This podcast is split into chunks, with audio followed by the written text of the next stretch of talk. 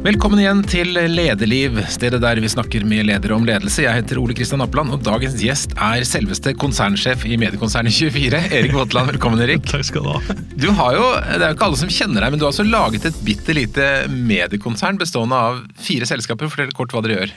Ja, altså, vi driver tre lokalaviser. Altså, vi driver lokalaviser for mediefolk. Eh, så i Medie24 så driver vi Kom24, som er lokalaviser for kommunikasjonsfolk.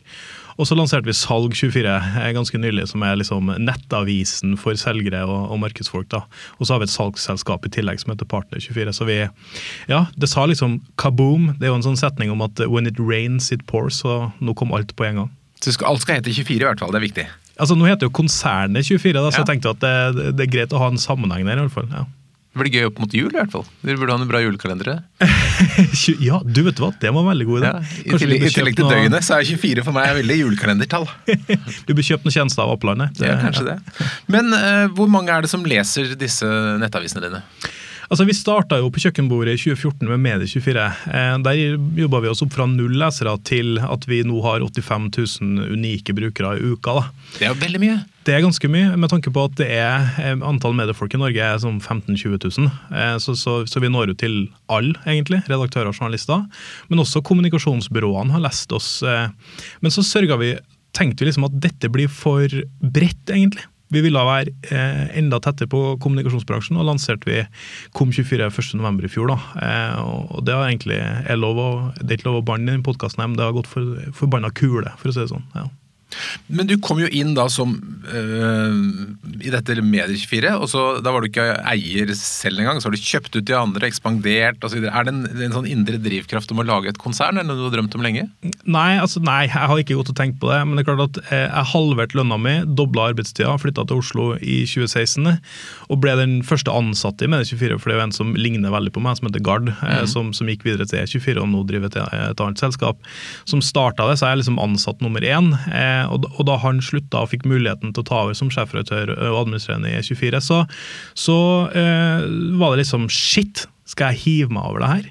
Eh, Jeg hadde et jobbtilbud hjemme i Trondheim. Skal jeg ta det? Skal jeg bli med på det her? Dette var jo eh, liksom en sånn lite nettsted. sant? Vi hadde ikke noen sånn solid posisjon på den tida. Men så tenkte jeg eh, fuck it, vi gjør det. Eh, vi peiser på. Eh, mista resten av hårveksten som var på hodet, et par samlivsbrudd, og så gønna vi på. Litt sånn som mange gründere tror jeg har opplevd. Eh, og så har det jo på en måte bare vokse da, eh, utover det. Så jeg har ikke hatt noen sånn stor drøm om at vi skal ha masse selskaper, sånn, men jeg tror at vi har funnet en ganske skalerbar nisjemarked, da, som jeg tror er ganske spennende. Men du fortalte at du, du flyttet altså fra Trondheim til Oslo for å jobbe i Medier24 og gikk ned i lønn osv. Hva var det som fristet så voldsomt? Jeg hater jo å bli leda, virkelig. Eh, fordi jeg, jeg har så sterke meninger selv om ledelse. Eh, og, og egentlig styrer min lederfilosofi ut ifra alle lederne jeg har hatt som ikke har dugd. Eh, og jeg sier ikke at jeg er verdens beste leder, det er sikkert masse galt med meg, men, men jeg har en sånn hårete mål om å bli en ganske god leder, da, og bruke mitt tid på det.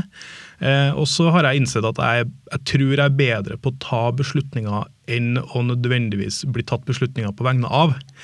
Eh, og da har jeg jo kanskje samtidig innsett at eh, det er noen gründere jeg kommer til å bli, da. Eh, Men, men da du flyttet, da du begynte i Medie24, så var det ikke det som var utgangspunktet? var det det? Nei, jeg skulle være journalist. Jeg skulle sklitakle eh, sjefredaktører og, og de tingene der. Og det gjør vi jo ennå. Eh, altså, du, du kaller meg jo konsernsjef, eh, men det er klart at eh, jeg vasker fortsatt dassen. Eh, sånn at vi, Det er veldig sånn lavt nivå på det vi driver med. Men det er klart at eh, hos 24-konsernet, da, som er for øvrig første gangen jeg bruker det terminologien, så kan du gjøre så mye rart. sant? Altså du, eh, Like før jeg kom hit, skrev jeg en kommentar om Kjell Ingolf eh, Ropstad. Eh, jeg har hatt to ledermøter. Jeg har drevet med coaching med enkeltansatte. Jeg har blitt kjefta på på kundeservice. Så det er, liksom, det er et så utrolig vidt spenn av hva du kan gjøre. Og det tror jeg passer meg, for jeg kjeder meg ganske fort. da. Men litt tilbake til da, din, din lederrolle med dette her lederliv. Når var det første gang du som liten tok en lederrolle? Etter det de sier at eh, eh, man, liksom, man hiver seg inn i tillitsrådet på skolen og type tingene. Jeg var aldri sånn. Altså, Jeg var en sånn type som eh, egentlig gikk mine egne veier. Eh, pappa var banksjef, eh, både, jobbe både hjemme og på jobb. Eh, og, og, vant til å på en måte eh, Han leda masse folk, og, og, og vi kanskje eh, ble utsatt for litt ledelse på den tida også. Eh, så, men jeg har liksom aldri sett på meg sjøl som noen leder før kanskje i voksen alder. Eh, det jeg drev med før der, har vært eh, liksom eh, Vi starta avis da vi var ti år gammel. Jeg og lillebroren til Snorre Valen, som er min beste, beste kompis. da. Næravisa hvor vi for og solgte på, på, butikken. Det var liksom, det var, var, du, var, du, sjef der? Nei, jeg var ikke sjef. da var jeg faktisk proletar, så det sang etter. Både solgt og trygt og det som var. Og så har jeg egentlig vært opptatt av salg. da. Og Salg har jo en ganske tett sammenknytning med, med, team og teambygging og de type tingene der, og det går jo hånd i hånd med, med ledelse også. Så, så, jeg vil ikke si at, liksom, at, det kom til meg, men det var, liksom, det var kanskje det det gjorde. Men Du sier, du har jo vært innom flere mediebedrifter og du har sett medieledere. Hvordan er, vil du, og du er jo da redaktør for Mediefagblad. Hvordan vil du si at standarden er på ledelse i Medie-Norge? Altså, Medieledelsen i Norge henger veldig langt etter. Eh, eller for å være enda mer tabloid, det er jævlig mye dårlige ledere i mediebransjen. Eh, det er helt åpenbart. Jeg har selv blitt utsatt for et, eh, for et par av dem. Og, og, det er klart at det tror jeg har en sammenheng med at er du en god journalist, så, så blir du en god leder. Det er ikke sånn. Jeg har jo hørt på denne podkasten, og det er flere som har sagt det at det er ikke nødvendigvis en fagperson som er den, den, den beste til å på en måte se enkeltmennesker og jobbe med de, de strukturene her. Men jeg tror at det har skjedd noe i mediebransjen de siste par årene som har vært veldig viktig. Vi har fått en profesjonalisering av rekrutteringsfasen. Vi ser at det stadig eh, oftere blir brukt hodejegerbyråer, testing, personlighetstesting, evnetesting, den type ting. Eh, og så har vi jo sett f.eks. Skipsdød har jo eh, i, i sånn interne eh, kursing av mulige kandidater. Altså det, så det har skjedd noe der. Eh, og så skriver jo vi i Medie24 ganske mye om ledelse, eh, og har gjort det over tid også. og det tror jeg tror ikke det har skada, for å si det sånn. Men det er to forskjellige retninger. Det er de som har en redaktør som også er leder, og så er det noen som er én leder og én redaktør. Du har jo valgt uh, å være enekonge. Hvorfor det? Nei, jeg, jeg, tror jeg lager god avis, nå. Eh, og så tror jeg at du må ha innsikt i både inntekter og utgifter for å lykkes. Eh, og så er det klart at det er en krevende rolle, eh, fordi at du eh, skal på en måte sklitakle de samme konsernsjefene som du er avhengig av å kjøpe abonnement, på en måte. Men, men, jeg tror vi opererer i en veldig profesjonell bransje, da, hvor folk på en måte skjønner hva er Vær varsom-plakatene, hvilken rolle har jeg nå. Men, jeg, men jeg jeg har veldig liten trua på en sånn delt rolle. I noen tilfeller er det bra. E24 er et eksempel på det, hvor veldig stor del av, av upscalinga handler om eh, det kommersielle markedet. Nå skal NTB søke etter ny sjefredaktør og administrerende. Jeg tror der 60 av inntektene deres kommer fra ikke-medievirksomhet. Kanskje det er lurt med en egen administrerende. Men alt i alt, for lokalaviser og fagpublikasjoner, sånn, så tror jeg det er lurt at én leder har kontroll på det meste. Men ut fra det du sier da, med masse dårlige ledere i mediebransjen og tusenvis av mennesker som jobber, det betyr at mange tusen eh, journalister og fotografer og designere og andre jobber under dårlige ledere. Hvorfor tror du de vil gjøre det? Eh, jeg tror det har en sammenheng med eh, at eh, man er vant til det. Jeg, ser folk som, som, begynner hos meg, som, som opplever liksom Når en ansatt begynner hos meg, så er det alt er klart når du kommer onboardingsprosessen er gjennomtenkt. Vi har et strategidokument, vi har en innføring i eh, alt fra eh, retningslinjer om seksuell trakassering til hva, hvilke forventninger har vi til deg som ansatt. Og så stiller vi spørsmålet hvordan leder vi deg på best mulig måte. Eh, og det er klart at Bare det at vi gjør det, gjør jo til at vi stikker oss litt ut. sant? Eh, jeg har jo sjøl eh, jobba i en rekke redaksjoner hvor altså, alle har ikke vært dårlige ledere, for all del. Mange er veldig faglig dyktige òg. Eh, men, men kanskje liksom mangla litt på den én-til-én-coachinga. Se deg som enkeltmenneske. Vi opererer jo i et marked med veldig eh, lønnsomme jobber rundt oss. Altså, vi sitter like ved eh, Akersgata 55 med Aftenposten og VG, og vi konkurrerer jo om de samme talentene. Men likevel så klarer vi å få tak i noen av dem. Jeg tror det er en sammenheng med at hos oss så får du kanskje ikke millionlønn, men du blir sett i en viktig del av karrieren din, og du, og du opplever liksom tett på, på ledelse. Det tror jeg er viktig. Men hvor er det du opplever at mange medieledere svikter, da? De er vant til et veldig høyt arbeidspress. Eh, de er vant til at man må fylle spaltene. Eh, kan ikke du gå og ta den saken? Eh, og Sånn er det jo i journalistikken. sant? Du, du må fylle flatene. Men også tror jeg at man hele tida da havner bakpå. Istedenfor at man eh, setter en strategi på at dette skal vi være gode på, bygge opp kompetansen rundt det for at vi skal sørge for at folk har muligheten til å evne til å levere de type sakene, og jobbe mye mer én-til-én-coaching. Det skjer ikke eh, i, i, mange medier. Noen medier skjer det i, men veldig mange gjør det ikke. Og Jeg tror vi mister ganske mye av det. Jeg tror eh, man blir vant til dårlig ledelse. Og så er det klart at det å ikke lede er også dårlig ledelse. Du kan jo dra et eksempel til denne eh, sportsfiaskoen i NRK med rettssaken med Huline Andersen og sånn. Da skrev jeg en kommentar hvor jeg sa at dette handler i bunn og grunn om dårlig ledelse. Fordi hvis de hadde ment at hun var en dårlig ansatt, så har de jo burde ha gjort noe med det for lenge siden. Men de har latt det gå så langt at det havner i en rettssak. Og så skal ikke vi gå inn i den saken. Men jeg tror man hadde unngått veldig mye konflikter på jobb. Jeg tror man hadde unngått at folk ikke hadde kjent på mestring, dersom man har tørra å lede. og Det tror jeg er viktig. Men uten å gå for dypt i den saken, så er vel det noe som kan skje i et stort system, eh, men som ikke kunne skjedd hos deg, vil jeg tro. Uavhengig, uavhengig om, om, du er deg, men altså størrelsen Det er jo noe med at, et, at ledere på en måte kan sno seg unna det ansvaret, det ubehaget ved å rydde opp i ting i et stort system. Ja, absolutt. Eh, og, og eh, det, en annen ting jeg tenker på da, er at det er også dårlig ledelse å ikke sørge for god mellomledelse. For du, Da må du jo gjøre det veldig tydelig på KPI-en. Da. da må du si at som mellomleder så skal du eh, ha så og så mange ansatte som eh, øker på kompetansenivåene her og her og her. Jeg vil måles på arbeidsmiljøundersøkelser som skal gå eh, fremover. Altså, det er mange ting du kan gjøre, og så må du tørre å delegere det. Du må tørre å stå i det når det blir vanskelig. for det er og Sånn er det også. Det er fryd og gammen. Altså, det er jo hardt arbeid. liksom. Det er ikke noe hvilehjem vi driver. Eh, så, og jeg tror jeg er ganske krevende som leder også, men, men, det er klart at du må ha en toveis der. da. Eh, de må vite at så lenge de eh, jobber til meg, så er de det viktigste for meg. Eh, og, og, jeg har lyst til å være en type leder som jeg sjøl hadde ville blitt leda. Ikke noe sånn autoritært system, eller heller ikke noe sånn eh, slepphendt måte. Men liksom veiledning, coaching over tid. da.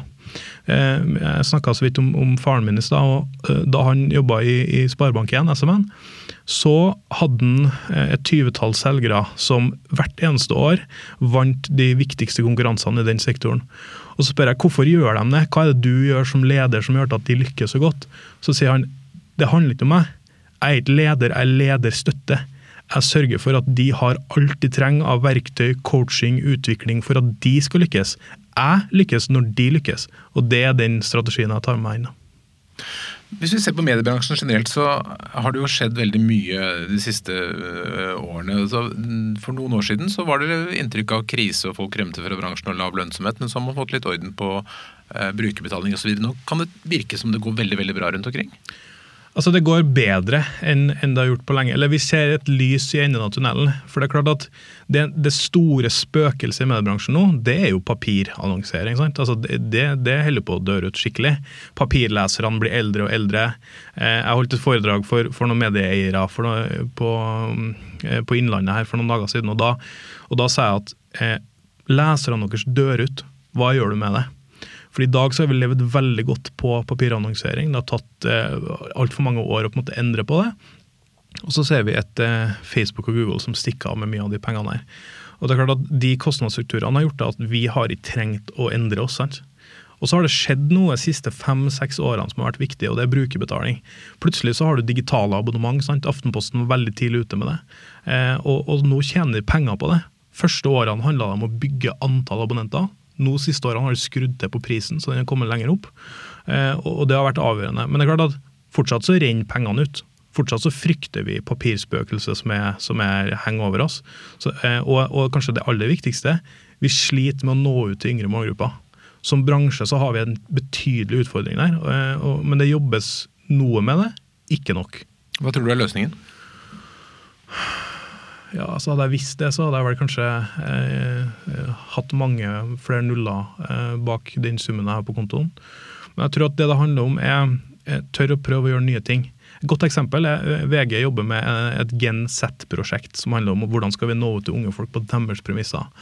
Eh, det har resultert i noen ulike apper. Sant? VG har en app som heter Peil. Den som, bruker jeg med stor Ja, glede. ja, jeg, jeg, jeg er elsker peil. Ja. Den er faktisk ganske bra. Og det minner litt om TikTok, på en måte. Altså, det er en veldig lettfatta måte å, å koble seg på nyhetsbildet. Eh, det er en, en app som er laga med utgangspunkt i eh, fokusgrupper med unge folk. Det, hvordan skal vi nå ut til dem? Det er et godt eksempel. En annen ting er å tørre å hive seg over viktige problemer, altså problemer i samfunnet for unge folk, fra deres eh, perspektiv. Og så må vi tørre å ansette litt yngre, tror jeg. Eh, det, det tror jeg er viktig. Altså, vi Snittalderen i norske redaksjoner er ganske høy. Uh, ikke at det er noe galt med høy alder. Selv etter alle sluttpakkene. Ja. ja, ja, absolutt. Men, men det, og, og det vil jeg bare si at det, det er ikke noe galt å, å ha en høy alder, men det er ikke sikkert eh, folk på min og din alder skjønner hva som er, går i hodet på en 14-åring. Og det er klart at det er de som skal betale lønna vår om ti år. Men samtidig, eh, du har jo da etablert tre små aviser, og så er det mange andre både innenfor eh, visse fagområder og lokalaviser og veldig lokalaviser. Det- virker som det blomstrer litt nå? Ja, altså de, de, Vi har jo en veldig solid struktur i, i mediebransjen. Altså det, jeg, jeg vet ikke hvor mange lokalaviser det er i Norge, men um, si at eh, landslaget for lokalaviser som organiserer dem, har blitt over 200 medlemmer. Eh, og så har du en haug med medlemmer gjennom MBL, altså fagpressen. Der er vi 200 medlemmer. sant? Alt fra sykepleien til gravferden. sant? Altså Det er utrolig mye journalistikk. Det er ingen som konsumerer mer journalistikk per capita enn vi gjør i Norge. Eh, Så det er utrolig mye publikasjoner her ute, og de er ganske stabile òg. Medietilsynet har en oversikt over de som går konk og de som kommer til. og sånn, og Vi ligger ganske liksom, på normalen, til og med i koronaåret. Eh, Da var det sånne som meg som slet, fordi at jeg lever av stillingsannonser og brukerbetaling. Første folk kutta under korona var nyansettelsene. Da hadde vi en utfordring. Eh, eh, En en annen ting er jo lokalradioene hadde en stor utfordring, men der har det kommet litt offentlige penger. altså. Det går ganske bra, på en måte, men, men vi adresserer jo ikke de store utfordringene og skiftene i bransjen, som er yngre målgrupper, som jeg har vært innom på. Du sier at folk konsumerer mye, og det, det er det jo bare døgnet som begrenser. Men hva med hvor mange abonnementer er man villig til å betale? Ja, Åpenbart ganske mange. da. Eh, Det er jo gjort undersøkelser på det her gjennom eh, jeg tror det er Reuters eh, News Institute et eller annet sånt her, som, som har forska på hvor mange abonnement folk har og er villige til å ha i framtida. Eh, og vi begynner å nå et metningspunkt. sant? Altså, eh, Tenk deg bare for noen år siden, da hadde du Spotify, Netflix og kanskje TV2, eh, og så betalte NRK-lisensene. I dag så har du Disney pluss, kanskje. Kanskje du, du, du, du driver med faste betalinger på, på Vips på en haug med, med kaféordninger. sant? Plutselig har du fått konkurranse fra dagligvareindustrien. altså Det er enormt mange som vil ha det vi kaller recurring revenue. sant? De vil ha, Alle drømmer om det. alle drømmer om det, sant? Eh, og, og vi heiv oss over det i 2018. Nå har vi 6000 abonnenter på Medie24. Vi er jo, eh, du sa tre små aviser. Det er jo landets største nettavis for mediefolk. bare sånn, Vi må liksom, eh, vi må ikke være mindre enn hva vi er, da. Men, men det er klart at de 6000 abonnentene bidrar jo i betydelig grad til vår lønnsomhet over tid. Og nå har vi jo gått fra eh, null i omsetning i 2014 til å nå passere 12 millioner i omsetning. og Det er klart at det, det, det er jo et stort marked her, og brukerbetaling er en viktig del av det. Du sa nylig at nå lanserer vi Norges nye mediekonsern som skal ta opp kampen med de store mediekonsernene som er trege og kjedelige. Vi er den nye medieøkonomien og planer å vokse betydelig fremover. vi har ikke så mye penger som dem, vi har utrolig mye livsgnist, sier ansvarlig redaktør osv. På hvilken måte er de trege og kjedelige, syns du? Eh, nei, Det var litt artig, for jeg fikk jo en tekstmelding av eh, jeg skal ikke si navn, men en, en betydelig konsernsjef i mediebransjen etterpå som, eh, som sa at eh, jeg har ikke fått inntrykk av at du har ment at vi har vært trege og kjedelige. eh, nei, altså det, det er jo en Det er en sånn fin uttalelse. Det er sånn som, får, som blir trykket, for å si det sånn. Jeg tror For å skape et bilde eh, i hodet på lytteren, da, eh, vi er robåten i møte med tankskipet. Det tar veldig lang tid å snu seg. For oss så er det et jafs, så er vi her. på en måte. Eh, og Med det så er det noen fordeler og så er det noen ulemper også, men jeg tror den store fordelen i en vekstfase er at eh, vi bruker nå i snitt fem måneder på å utrede et nytt nettaviskonsept, eh, og så er vi oppe å stå. Og Det det handler om, er ansettelser og innholdsstruktur. Eh, eh, for da vi lanserte Kom24 1.11. i fjor, så brukte vi ett år på caset. Nå er vi nede på fem måneder. Så det skjer noe der på en måte da, eh, som gjør til at vi, er, vi er små, men vi har muligheten til å bevege oss ganske fort. Og Det tror jeg er viktig i møte med en bransje som er relativt konservativ. Så det er ikke ofte du ser de store mediene lansere nye nettaviser eller nye initiativer. Veldig ofte så handler det om å prime og på en måte skru på det de er gode på allerede i dag. Det største caset er jo eh, E24 som gunner opp med 20 nye journalister. Men det er jo ikke noe nytt. Det er jo bare at de skal bli bedre, på en måte. Så, så vi prøver jo å skape noe nytt. da, Nye merkevarer. sant? Så, ja. Har du mange flere i ermet? Eh, Jeg får det spørsmålet ganske ofte. Vi eier vel en 60 domener, eh, men det er klart at eh, jeg vet ikke om det er noe, en måte, noe, noe sånn at du kan lese noen ambisjoner i det. Det er vel kanskje mer for å sikre at andre ikke tar det. Men jeg tror nå har vi, vi skal vokse i et organisk tempo. Det er en, på, altså det er en påkjenning fra en organisasjon. Vi var fem-seks ansatte i fjor. Nå er vi 15. påkjenning å vokse for fort. Eh, fortsatt så, så Medie24 er jo gullkalven vår. Det er jo der vi tjener pengene. Kom24 begynner skikkelig å komme nå. Der, eh, der, der begynner De er bærekraftige i desember hvis ting går sånn som jeg ønsker. Og så har vi jo Salg24 som fortsatt kommer til å være en minuspost over tid. da. Men vi har som eh, filosofi at eh, to av tre skal være lønnsomme. Da kan vi gønne på med det siste, på en måte. Så, så eh, det, blir ikke, det blir ikke noe nytt i år, det kan jeg si. Men vi, vi har jo jobba med et case i et år eh, som eh, handler om litt andre ting. Så det kan bli spennende, men jeg skal ikke si noe mer. enn det. Hvis det er noen som hører på som har lyst til å starte sin egen avis innenfor sin lille enten geografiske sfære eller et, et bransje eller fag, hva er oppskriften? Hva, hva må man ha for å lykkes? Altså, Kort fortalt, en god idé og jævlig mye eh, høy arbeidskapasitet. Det, eh, min gode venn Gard starta jo med 24 i 2014, og det er klart at det, det ble starta som en utgangspunkt til at han ikke fikk den jobben han ville ha i Oslo. Så starta han sin egen arbeidsplass istedenfor. Og det han hadde, var en Wordpress-nettside eh, som var smelt opp på én dag. Og så var det å begynne å skrive, liksom. Eh, I dag så gjør vi jo mye mer profesjonelt enn det. Vi drar jo både redaksjonell og kommersielle analyser og de type tingene der. Men det er bare å begynne, begynne å skrive. Liksom. Sørg for at du er relevant for de du skal nå ut til. Hvis du starter en lokalavis i Sykkylven, eh, så sørg nå for å få trynet på trykk. da, Få hele bygda til å vite hvem du er. Eh, vær relevant i feeden deres. Skap aktivitet som gjør at de syns det er spennende å komme tilbake. Eh, og så skrur du til kvaliteten etter hvert. Da jeg starta med 24, så hadde vi et mål om å skrive sju saker på én time, og skrive, brukt sju timer på én sak. Det var sånn, Du måtte levere åtte saker om dagen. I dag så er målet én til to, liksom. Fordi kvaliteten, vi har et helt annet kvalitetsbevisst publikum. Men du må begynne en plass. Ja, for det har vel vært en sånn myte at uh, journalisten har gått fra kvalitet til kvantitet. At det bare er sånn masse samlebåndsjournalistikk, men du mener det er i ferd med å bli bedre? Ja, altså det er jo det motsatte har skjedd. Helt åpenbart. Etter at brukerbetalinga kom for alvor, så, så har vi et mye mer kvalitetsbevisst publikum. Jeg vet ikke om du husker den tida hva kunne det vært da, sånn 2013-2014 eller noe sånt, med liksom, det var så sinnssykt mye clickbait.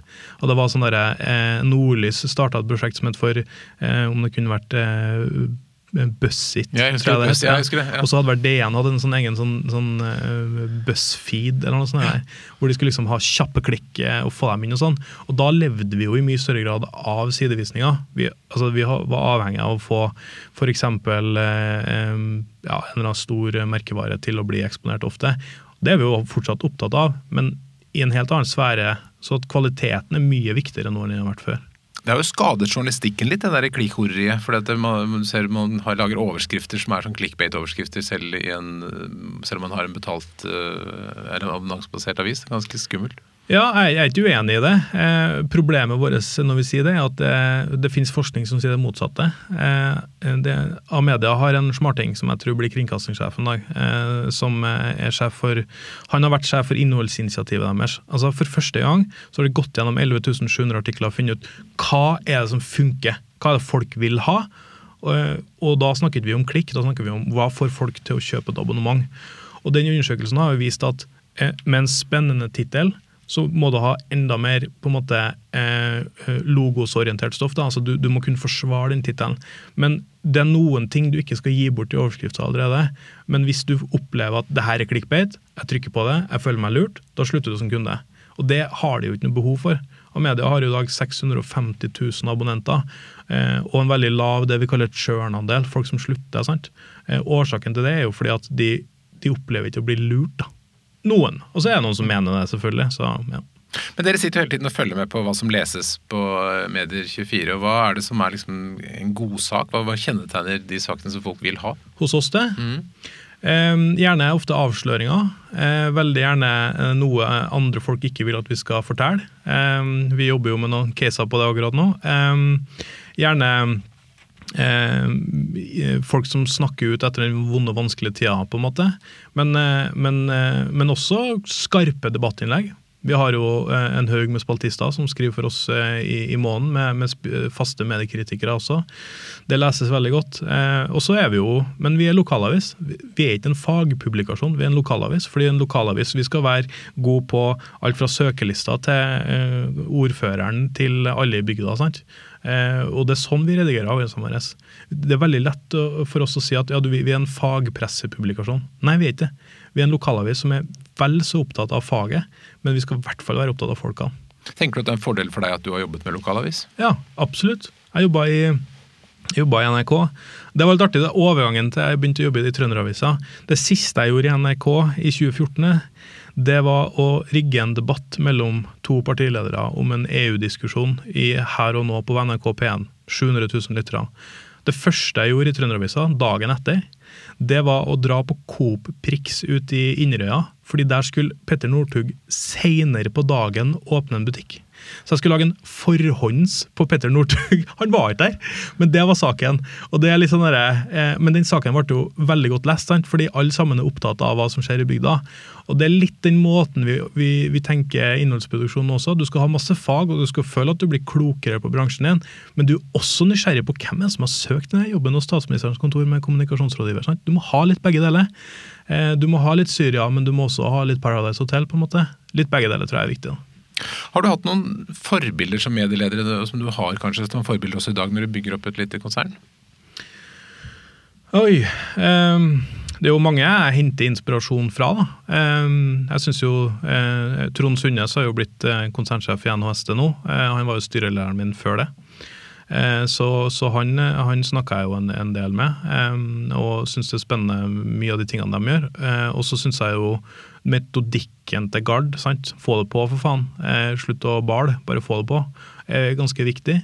Og så henter jeg jo mye inspirasjon i, i liksom, måten pappa har jobba på. da. Det syns jeg liksom Du er ikke viktig, liksom. Det er folkene dine som er viktig. Det tror jeg er viktig. Og så Jeg snakker jo med sjefer hver dag, det er jo liksom jobben min. Jeg snakker jo med konsernsjefene, og det er mange som gjør mye bra, så jeg henter mye inspirasjon fra dem. Uh, men, men jeg har ikke noe sånn jeg skal lage avis sånn som han eller hun, eller ja. Det har jeg ikke. Har du gjort noen feil underveis som du har lært av? Nei. Jo da, selvfølgelig har jeg det. Eh, jo, jeg har gjort eh, masse feil. Eh, det, jeg tror det, det viktigste Jeg har bakgrunn fra Forsvaret, jeg jobba fire år i Forsvaret eh, med presse og informasjon og litt andre ting. Eh, og Da tok jeg også en lederutdanning, eh, sånn, ikke noe bachelorgrad, men en, en, gjennom Heimevernet og Hæren. Og og hadde en tanke om hvordan ledelse var. Og da jeg starta, gikk fra å være kollega med mine, mine kolleger til å bli sjefen deres, det var en ganske vanskelig overgang. Både for meg, men også for de andre. på en måte. Eh, her er han som skal ta ansvaret. Så, så det første jeg gjorde, var egentlig å melde meg opp til, til ganske kontinuerlig lederskolering gjennom noe som heter Senter for ledelse. da, Som for øvrig mora mi eier, men det er noe sånt. eh, men, men, der, eh, men der har jeg liksom i tre år nå uh, gått skolering ganske ofte. Hvordan bygge team, hvordan bygge kultur, hvordan ta inn vanskelige samtalen, hvordan sette mål, hvordan følge opp i, i hverdagen. Sant? Og alle tingene der. Og det tror jeg har vært ganske avgjørende for å unngå å gjøre mange store tabber. Men jeg har sikkert gjort mye dumt. Jeg, jeg tror, uh, jeg tror mine ansatte tenker at jeg er opptatt av dem, og så jeg sikkert, gjør jeg sikkert feil. Jeg vet ikke. Men du klarer da å tiltrekke folk i konkurranse med de største mediehusene. Hva er det du gjør som, folk, som får folk til å ville starte hos deg? Altså, vi ser enkeltmennesket. Eh, hos meg er det ikke et nummer, det er et navn. Eh, det er klart at Eh, det kan du jo se på hvor er det mine ansatte ender opp hen etter å ha vært hos meg. I dag så er de endte endt opp som sjefredaktør i E24. det er jo en av dem. Eh, Trond Sundnes var styreleder hos oss og ble konsernsjef i NOST. Jeg skal ikke ta den, da. Nei, men, men, vi, men, men sant, vaktsjef i Vårt Land, økonomijournalist i Aftenposten. Sant, det er liksom tunge jobber de gjør. Og det tror jeg det de opplever hos meg, at de er så sinnssykt tett på publisering. De er så veldig tett på nyheten, og de er så veldig tett på presseetikken. Og så krangler de jo med de mektigste menneskene i Norge. sant? Altså, Sjefredaktører er forbanna vanskelig å intervjue, men de blir veldig gode på det. Og jeg tror at de, det i sammenheng med en trygg slags, altså en trygg ledelse, da, tror jeg er med Jeg tror vi har funnet en nøkkel der som er ganske viktig for å få folk til å lykkes. Hvordan vil du at folk skal oppleve deg som leder? Um, ja, Nå må jeg jo svare som om jeg har reflektert rundt det her, da. Men, eh, men jeg kan jo reflektere rundt det akkurat nå. Eh, jeg ønsker å være en som ikke sier 'dit skal vi, og så går vi dit'. Eh, jeg ønsker å være en type leder som sammen med de ansatte finner ut av hvor vi skal hen. Jeg ønsker å være en, en, ansatte, en leder som, som, oppleves som at de er viktige. Det tror, jeg, det tror jeg er det viktigste for meg, og, og, at jeg er opptatt av at de skal lykkes. Eh, og så er ikke jeg noe sånn eh, autoritær, jeg er ikke noe sånn eh, Men jeg er ikke noe slepphendt heller. Jeg kan godt flåse med å si at det her er ikke noe hvilehjem. Eh, peis på, liksom. Så, men jeg, så vasker jeg dassen. Eh, jeg koker kaffe. Jeg springer ut og kjøper litt kake og sørger for at vi har det bra. på en måte. Så arbeidsmiljøet er ekstremt viktig for meg. Vi, vi har et sett med regler internt som vi kaller 24-plakaten, som er liksom punkt én. Her snakker vi med hverandre, ikke, ikke om hverandre. Og Vi har liksom veldig fokus på hvordan vi skal ha det internt. Da. og Det er en type leder som, som, jeg kanskje har følt at jeg ikke har hatt før, men som jeg ønsker å være nå. Har det hjulpet deg, det å ha liksom reglene skrevet ned? Ja, og det som har hjulpet meg, er at det er de ansatte som har laga det, sammen med meg. Eh, og det har ikke vært liksom omvendt. Det har ikke vært noe som jeg har trødd over trynet på dem, men det har liksom vært eh, Og det brukes ganske ofte i hverdagen. Det er ikke ting vi har hengt opp på veggen, og så glemmer vi det. Altså, Der står det Eh, vi har en ledelse som erkjenner at våre ansatte er vår viktigste ressurs. Det bruker de, og bruker det bare på flås òg. Mm. Altså sånn, ja, du, du, vet at vi skal ha kake i dag. det er jo, Vi ansatte er jo din viktigste ressurs, ikke vi det? så, så, men, men, eh, men, det er liksom en sånn rettesnor for hvordan jeg vil at det skal være. da. Og det tror jeg funker ganske bra. Vi sier litt sånn på flås at vi er litt sånn Ajax i bransjen, for de som skjønner fotball. Vi det sier ikke meg noe. Nei, altså vi er ikke Real Madrid men vi er talentfabrikken, på en måte. Eh, og, og, så, så, du kan være hos meg i tre-fire år, og så kan du gå videre. Eh, og, og, det du opplever da, er en enorm utvikling på den tida, håper jeg. Mm, opplevelsen i hvert fall fra utsiden er at uh, det å drive en, uh, eller flere nettaviser, at det er et enormt sånn tempo, et jag hele tiden og mye å gjøre og hvert sekund teller osv. Får du tid til, får du ro til å være leder? Ja, du må ta deg tid til det. Eh, og det er klart at jeg tror det, Den største forskjellen på 24-konsernet kontra da vi kun var med i 24, det var jeg skulle gjøre alt alltid hele tida. Nå har jeg ansatt to veldig dyktige nyhetsredaktører og en egen daglig leder i salgsselskapet vårt som, som eh, får muligheten til å utvikle seg og bli god der de skal være. Eh, og så får jeg muligheten til å sette meg litt Altså, jeg vasker fortsatt dassen, men jeg er litt mer i makro.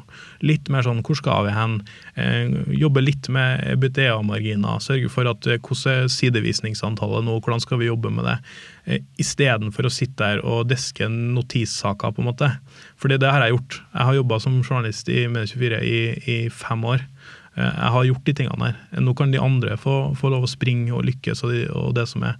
Og så kan jeg jobbe litt mer med, med ledelse og utvikling og de type tingene her. Det tror jeg er viktig. Men da må du tørre å delegere. da. Og det har kanskje vært den største utfordringa for meg. Å slippe litt av kontrollen.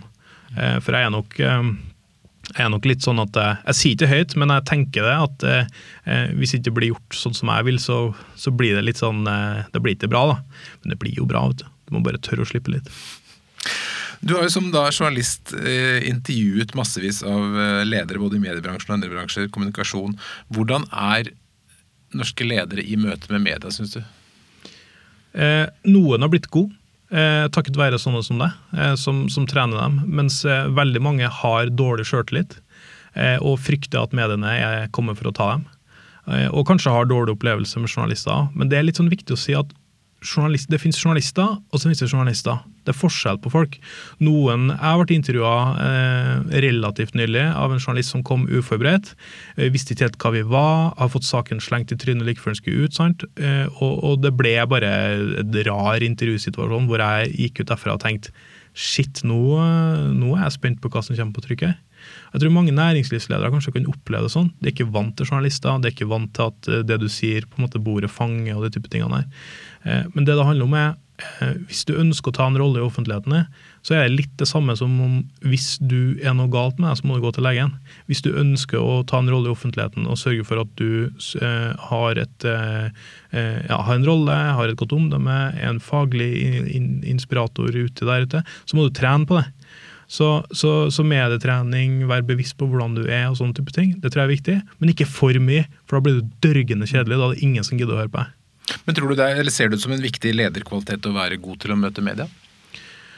Det er jo du som har ansvaret når det går galt. Da eh, Da jeg jobba i Forsvaret, så, eh, så, var det, så var vi med og håndterte seks dødsfall fra norske soldater i Afghanistan. Og det er klart at det å se de lederne der ute, da, som sto fram og sa eh, liksom, De var ledere med stor L. sant? Det var deres ansvar, det var dem som skulle ta og håndtere media.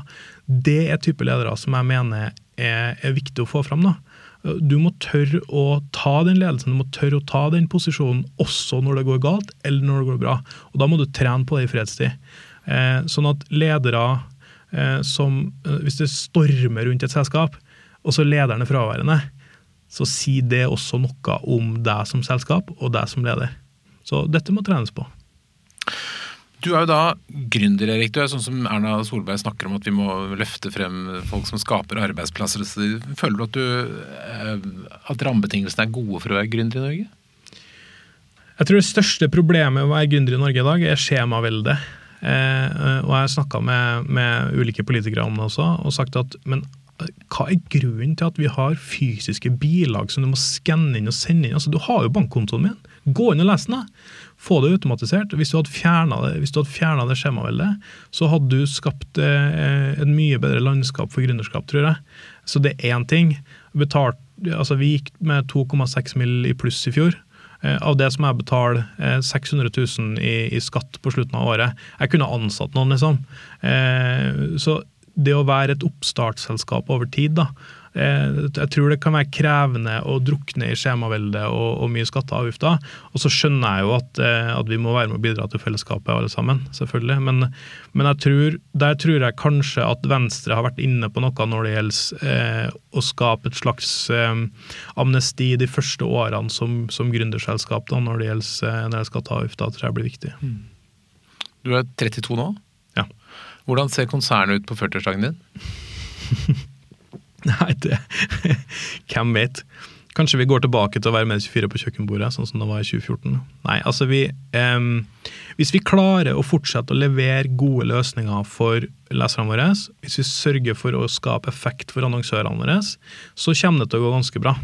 Og Hvis vi vokser i et tempo som vi klarer å bære internt, eh, så er jeg ganske sikker på at vi har ganske mange nisjer vi kan gå inn i hvis vi ønsker det. Og så er det veldig avgjørende et eh, hemmelig, superhemmelig prosjekt vi jobber med i, i mars neste år, eh, mars-april, om hvordan, hvordan, det vil lykkes. Hvis vi får til det, sånn som jeg ønsker og sånn som vi har pendla ut strategien sammen, så kan dette bli ganske stort. Eller så kan det gå til helvete. Men eh, det er jo litt ned kniven på strupen som er litt artig. da. Mm. Så kommer en ung person til deg Erik, og sier jeg vil bli leder, jeg vil bli sånn sjef i media, sånn som deg. Hva er de tre viktigste lederrådene vi gir? Hvordan blir man en god medieleder? Eh, punkt én, ikke ha et ønske om å bli en medieleder før du har jobba med faget i hvert fall fem år. Eh, det tror jeg er det viktigste. En god medieleder skjønner hva som skjer på bakken. I dag så har du et av media med Anders Oppdal som er konsernsjef. Han har eh, vært journalist i lang tid, omskolert seg til å bli en konsernperson. Og jeg tror det at han skjønner alt fra hvordan en notis utvikles til hvordan de jobber med annonseplattformer, sant? det tror jeg er avgjørende for at han lykkes, sammen med Trond Sundnes, som faktisk har vunnet to Scoop-priser eh, før han ble konsernsjef. Det tror jeg er viktig. Jeg tror eh, punkt to eh, jobbe knallhardt. Og Jeg bruker den eksempelet på Zlatan som står igjen på fotballbanen når de andre har dratt hjem. Terpe på, bli flinkere, men også sørge for å gi deg sjøl rom og tid til å slappe av også. Det tror jeg også er viktig. Jeg tror, eh, jeg tror det er mange som krever liksom at du skal jobbe 16 timer i døgnet, og sånn. Sånn er ikke det. I hvert fall ikke hos oss. Eh, du må, men du må ha et godt privatliv også for å lykkes, tror jeg. Og eh, det er litt som det er med sånne eh, kan du si, giftige venner. Bli kvitt dem. Ikke jobbe i et arbeidsmiljø som ikke ønsker deg godt. Eh, hvis du gjør det over tid, så er det ganske ødeleggende for deg. Jeg har opplevd det, eh, og, og, og valgt å, å, gjøre noe med det. og og det tror jeg er ganske viktig. da. Eh, du, du, velger, du velger familien din, men du velger vennene dine. Og du velger også kollegaene dine. Og hvis du ikke trives, slutt. gjør noe annet. Halve lønna di, eh, doble arbeidstida, flytt til Oslo. Jeg har gjort det, det funka. Det er veldig bra. Det tror jeg var tre. Så var- tusen takk, og hjertelig takk for at du kom til Lederlivet, Erik Våtland. Takk skal du ha.